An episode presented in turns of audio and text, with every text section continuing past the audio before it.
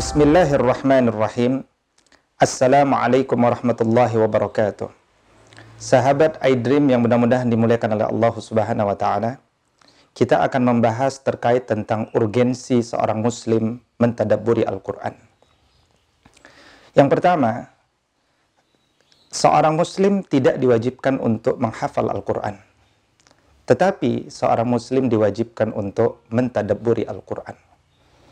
Allah Subhanahu wa taala firmankan di dalam Al-Qur'an surah Sad surat ke-38 ayat ke-29 dengan firman-Nya A'udzubillahi minasyaitonir rajim. Kitabun ilaika mubarakun liyadabbaru ayatihi wa liyatadzakkara ulul albab. Kitab Al-Qur'an ini diturunkan dengan penuh keberkahan kepada wahai Muhammad agar kalian umat sepanjang zaman ini sibuk dengan mentadabburi Al-Qur'an, mentazakkuri Al-Qur'an. Dan itulah di antara cara Allah Subhanahu wa taala untuk memberikan satu gelar yang mulia bagi kita kaum mukminin yang disebut sebagai ulul albab. Ada banyak gelar di dalam Al-Qur'an yang disebutkan oleh Allah Subhanahu wa taala untuk dapat kita kejar. Ada ibadur rahman, ada generasi rabbani, ada as-sabiqun al-awwalun, ada az-zakirin Allah katsira wa zakirat. Tetapi dalam konteks kali ini Allah Subhanahu wa taala mengangkat gelar orang-orang yang berakal, orang-orang yang cerdas dan itulah yang disebut sebagai ulul albab. Yang pertama perlu kita fahami, sahabat semuanya, Al-Quran sebagai maknanya adalah dia satu nama dari sebuah kitab suci yang diberikan oleh Allah Subhanahu wa taala kepada kita. Nama kitab sucinya ada di dalam kitab sucinya. Bagaimana membaca kitab suci juga ada di dalam kitab sucinya. Dan dia disebut sebagai Al-Quran. Mengandung makna bacaan. Agar selalu mengingatkan kepada kita semuanya, umat Islam, jangan lupa untuk terus membaca daripada kitab suci ini. Makanya ayat yang pertama diturunkan oleh Allah Subhanahu wa taala adalah Iqra, bacalah. Memang yang diturunkan ketika awal itu baru lima ayat. Ayat-ayat Allah Subhanahu wa taala tersebar. Ada yang disebut sebagai ayat-ayat kauliyah dan ada yang disebut sebagai ayat-ayat kauniyah. Ayat-ayat kauliyah itulah ayat-ayat yang tertulis di dalam Al-Qur'an dan ayat-ayat kaunia itu adalah ayat-ayat yang tersebar di alam semesta ini. Oleh karenanya kita perhatikan bagaimana seorang suami memandang istrinya ya selalu diawali dengan kalimat ayat. Wa min ayatihi an khalaqalakum min anfusikum azwaja ila akhir ayat. Itu disebut bagian daripada ayat-ayat kauniyah. Yang kalau kita melihatnya hendaknya seorang mukmin mengkorelasikannya langsung kepada Allah Subhanahu wa taala sehingga lahir akhlak kepada ayat yang dia lihat. Demikian juga dengan ayat-ayat qauliyah, ayat-ayat di dalam Al-Qur'an. Dia hadir untuk kita baca. Dia hadir untuk kemudian kita renungkan maknanya. Sehingga kita perlu faham apa maknanya. Kalau seseorang sudah faham maknanya, maka dia akan bergerak untuk beramal dan beramalnya seorang mukmin akan semakin menguatkan pemahamannya dan akan semakin meningkatkan kualitas keimanannya kepada Allah Subhanahu wa taala. Sahabat Aidrim yang mudah dimuliakan oleh Allah Subhanahu wa taala. Al-Qur'an yang wajib kita baca itu dia jumlah ayatnya di antara yang terbanyak yang pernah disebutkan oleh Abu Amr Ad-Dani dalam kitab Al-Bayan sebanyak 6.236 ayat. Mulai dari ayat pertama sampai ayat ke-6236 ayat, itulah yang kita baca. Tetapi kemudian kita juga diingatkan bahwa ayat adalah kumpulan kata-kata. Berapa jumlah kata-kata? Kalau saya merujuk kepada Atta bin Yasar, ada 77.439 kata di dalam Al-Quran. Tetapi kata-kata juga dia adalah kumpulan huruf-huruf. Dan inilah di antara peninggalan Yazid ya, Al-Hajjaj beliau pernah mengumpulkan para qurra, para hufaz, para kutab untuk bersepakat berapa jumlah huruf di dalam Al-Quran. Dan Masya Allah, saat itu disepakati bahwa jumlah huruf di dalam Al-Quran ada 340740 huruf. 340.740 huruf. Pertanyaannya kemudian, kenapa kita perlu harus sampai membongkar pada jumlah huruf? Sahabat semuanya kita ingat Nabi Shallallahu Alaihi Wasallam pernah bersabda, La aqulu alif lam mim harfun Aku tidak mengatakan alif, lam, mim itu satu huruf. Walakin alifun harfun, walamun harfun, wa mimun harfun. Tetapi alif satu huruf, lam satu huruf, dan mim satu huruf. Kalau kita fahami hadis ini, Nabi bukan sedang mengajarkan bagaimana menghitung jumlah huruf. Karena terlalu sia-sia waktu Nabi SAW untuk melakukan itu di depan sahabat-sahabat mulia yang cerdas. Tapi Nabi SAW ingin mengingatkan umat ini bersama dialognya bersama para sahabat agar umat ini jangan pernah meremehkan hatta satu huruf sekalipun.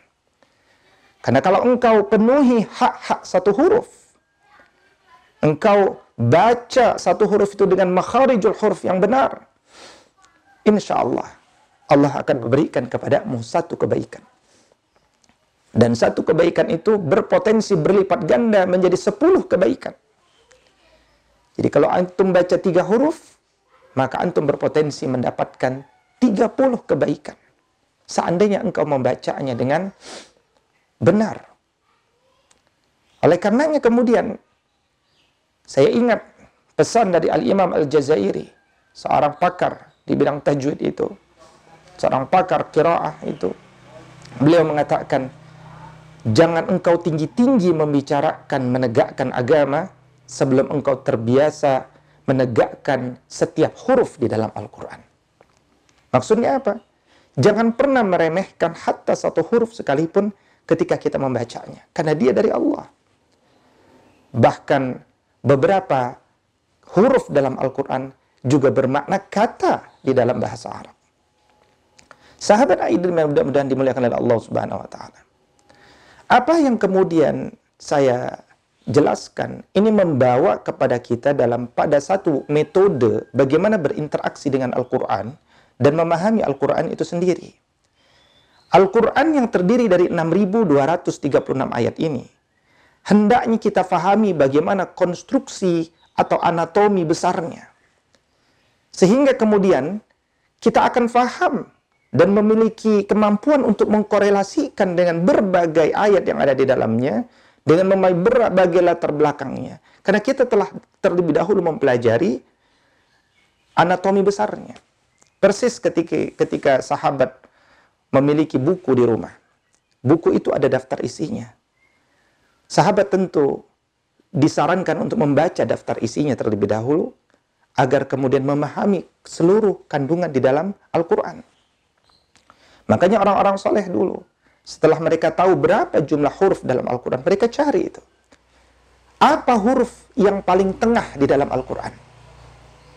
Ternyata mereka menemukan dia adalah huruf fa dari kata wal yatalattaf dari Quran surat Al-Kahfi ayat ke-19. Sehingga kalau antum baca surat Al-Kahfi ayat 19, berarti sahabat telah berada pada 50% bacaan Al-Quran. Demikian juga akhirnya, karena dulu tidak ada pembagian juz, hizb, rubu' ya, dulu yang ada adalah 114 surat. Maka kemudian mereka membagi bacaan-bacaan mereka, ada yang membagi pada sepertiga Quran, seperlima Al-Quran, sepertujuh Quran, sepersembilan Al-Quran, sepersebelas Al-Quran. Contoh, aku sudah baca sepertiga Al-Quran dahulu, ulama bilang. Maksudnya aku sudah baca sampai surat At-Taubah ayat ke-100. Aku sudah baca dua per tiga Al-Quran.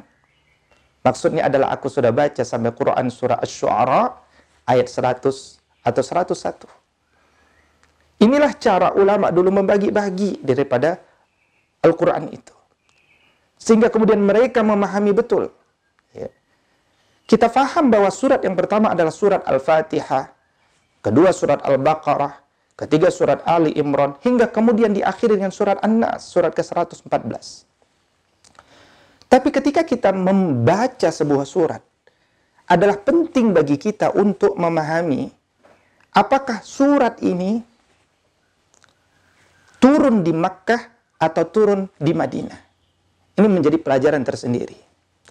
Karena energi ayat-ayat Allah yang diturunkan di Makkah itu berbeda dengan energi ayat-ayat Allah yang diturunkan di kota Madinah.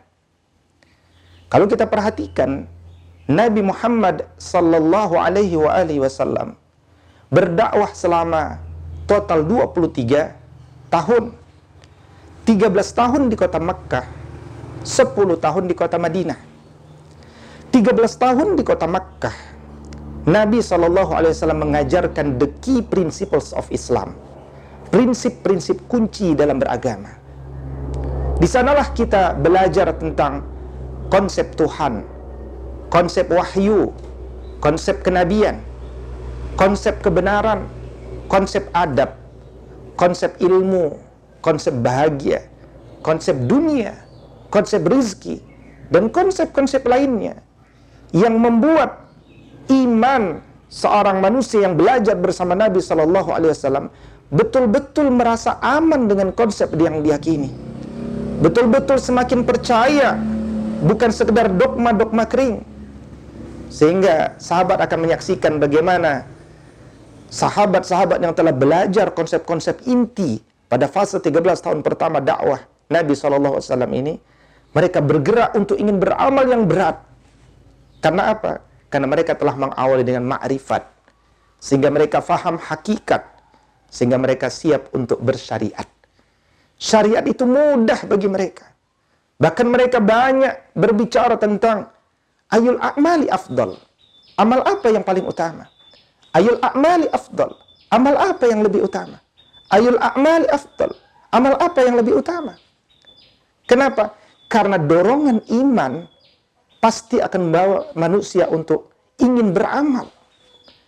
Tetapi kalau sahabat tidak mengawali berislam ini dengan makrifat, sahabat belajar langsung kepada syariat. Saya khawatir syariat itu menjadi berat bagi kita. Karena kita belum faham kenapa kita harus berislam. Kembali kepada energi 114 surat yang diturunkan itu.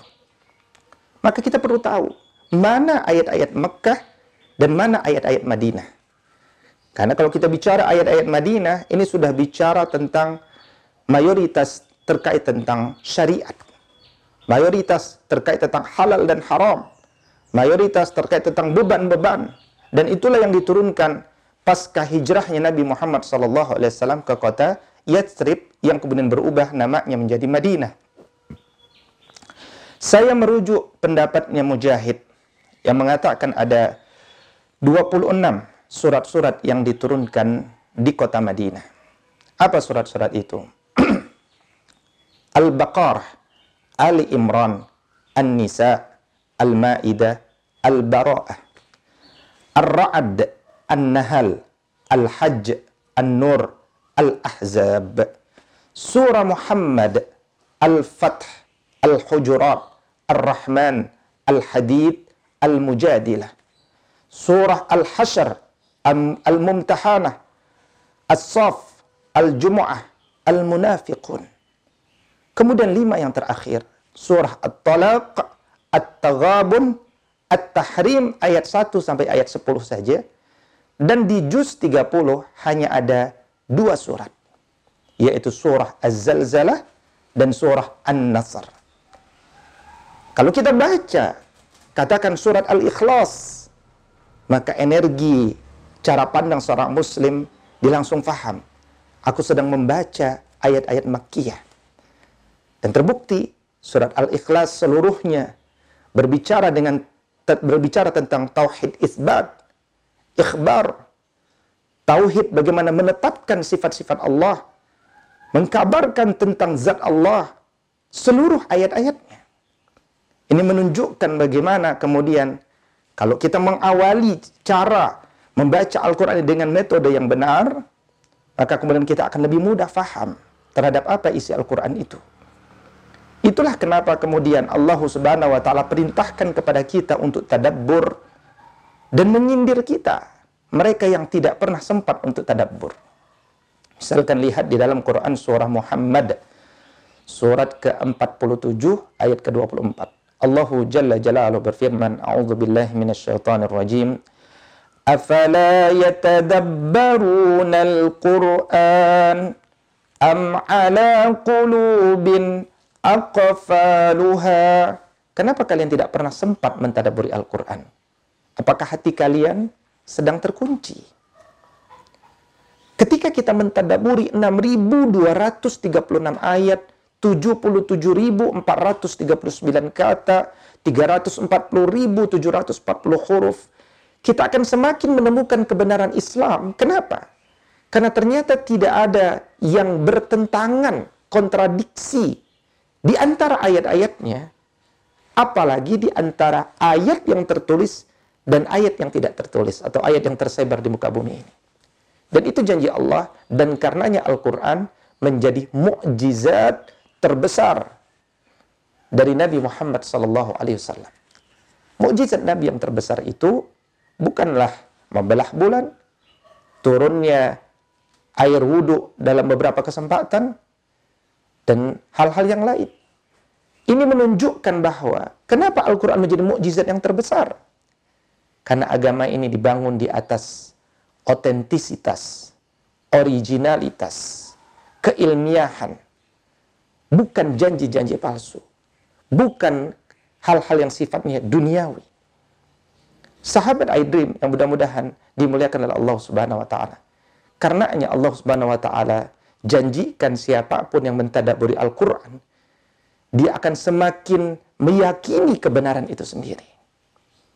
Allah katakan dalam Quran surat An-Nisa surat keempat ayat ke-82 A'udzu billahi minasyaitonir rajim أفلا يتدبرون القرآن ولو كان من عند غير الله لوجدوا فيه اختلافا كثيرا Kenapa kalian tidak mau mentadaburi Quran? Seandainya Al-Quran ini datang dari selain Allah, maka engkau pasti akan mendapatkan perselisihan yang sangat banyak di dalamnya. Tapi engkau tidak akan menemukan itu. Makanya saya ingin tegaskan dalam hal ini. Seorang muslim yang mentadabburi Al-Quran, maka di antara faidahnya, dia pun akan gemar dengan sains. Dia akan cinta dengan sains. Dia akan tergerak untuk terlibat dalam pusaran pengembangan sains. Dan itulah satu di antara prasyarat kembalinya peradaban. Dan ini bukan klaim daripada saya. Saya meneliti daripada pemikiran seorang bapak sejarah sains dunia non-muslim yang bernama George Sarton. Dia memiliki karya yang banyak di antara karya masterpiece-nya berjudul The History uh, the, the Introduction of History of Science. Beliau katakan, Muslim memimpin peradaban hanya butuh waktu 200 tahun atau dua abad. Dan ini adalah periode yang begitu cepat jika dibandingkan dengan Yunani kuno yang membutuhkan waktu lebih daripada empat abad bahkan berakhir dengan kerusakan moralitas. Yang menarik, kesimpulan George Sarton, cepatnya seorang muslim memimpin peradaban sains dunia justru adalah ketika mereka ingin beral-Quran secara lebih baik. Ketika mereka ingin menegakkan ayat-ayat Al-Quran dengan lebih maksimal.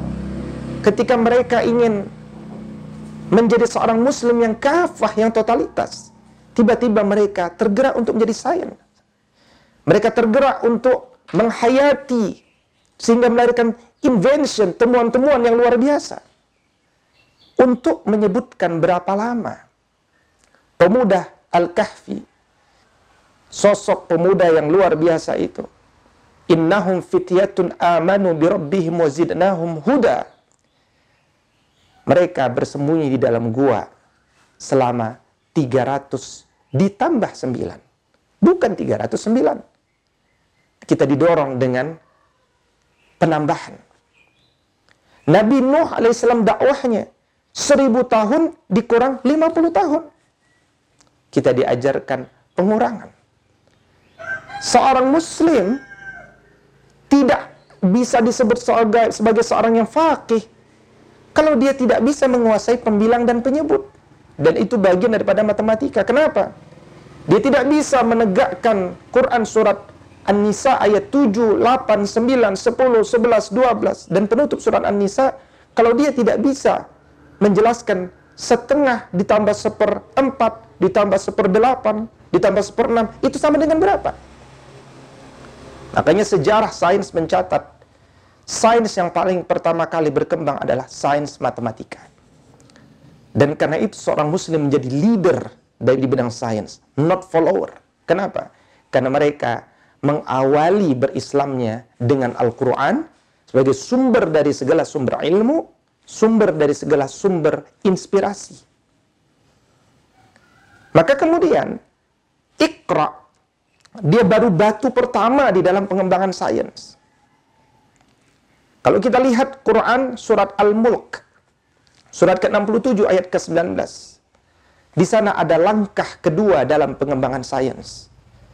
Allah Subhanahu wa taala katakan, "Awalam yarau ila at-tayri fawqahum wa yaqbid ma yumsikuhunna illa ar-rahman." innahu bikulli syai'in basir. Allah Subhanahu wa taala katakan, "Kenapa kalian tidak pernah mengamati tentang bagaimana burung itu terbang?" Dia mengepakkan sayapnya dan kadang dia tidak mengepakkan sayapnya. Dan ketika dia terbang dengan tidak mengepakkan sayapnya, siapa yang menahannya dari kejatuhan kecuali Ar-Rahman yang kasih sayangnya untuk manusia dan selain manusia. Maka di sini kemudian kita melihat ada kalimat mengamati, ada kalimat observasi di sana. Ya, persis kalau sahabat Aidrim naik ke jalan tol, melihat di ujung jalan ada air. Kira-kira jawabannya itu pasti air atau bukan? Seandainya itu air, mungkin jalan tol di ujung banjir. Tapi kalau dia bukan air, mungkin dia kesarabin. Dia adalah fata morgana. Untuk membuktikan itu air atau bukan, berawal dari pengamatan. Tapi Al-Quran mendorong, cari tahu, amati lebih mendalam. Dan observasi secara lebih mendalam, itu disebut sebagai eksplorasi. Dan kalimat ini antum temukan di dalam Quran surat Al-Ghashiyah surat ke-88 Allah katakan afala yanzuruna ilal ibili kaifa khuliqat Kenapa kalian tidak pernah melakukan pengamatan lebih mendalam tentang bagaimana unta itu diciptakan? Ternyata unta itu binatang dengan bibir tebal, diciptakan di di padang pasir, Jaziratul Arab, semenanjung padang pasir gersang, yang sumber air mungkin hanya dua, yaitu oase atau kemudian tanaman kaktus.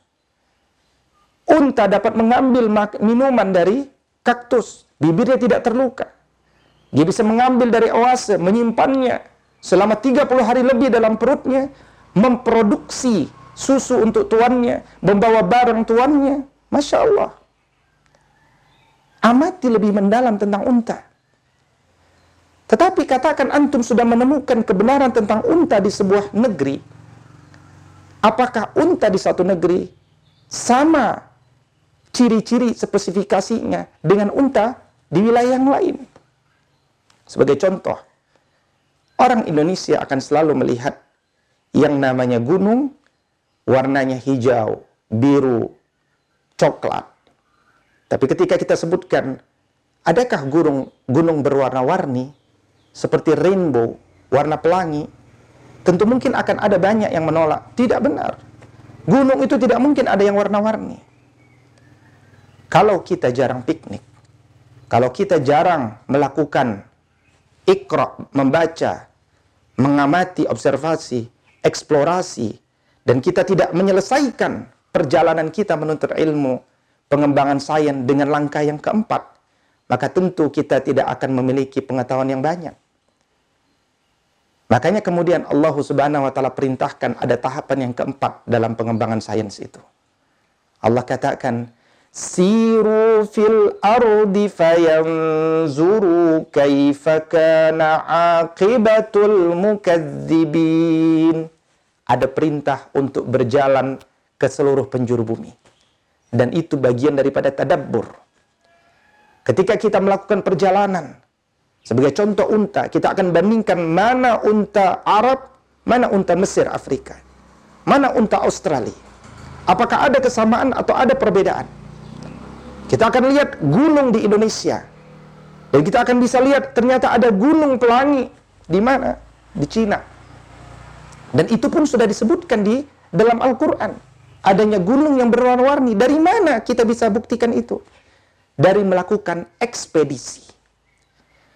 Jadi seseorang ketika tadabbur Quran, dia tidak saja melihat kebenaran sinkronnya antara ayat dengan ayat yang tertulis, tapi juga dia diminta untuk membandingkan dengan ayat-ayat yang tidak tertulis. Dan kemudian dia melihat adakah yang bertentangan antara ayat yang tertulis dengan ayat yang tidak tertulis. Dibandingkan. Dan Masya Allah, seperenam dari 6.236 ayat Al-Quran, itu mengandung ayat-ayat tentang sains.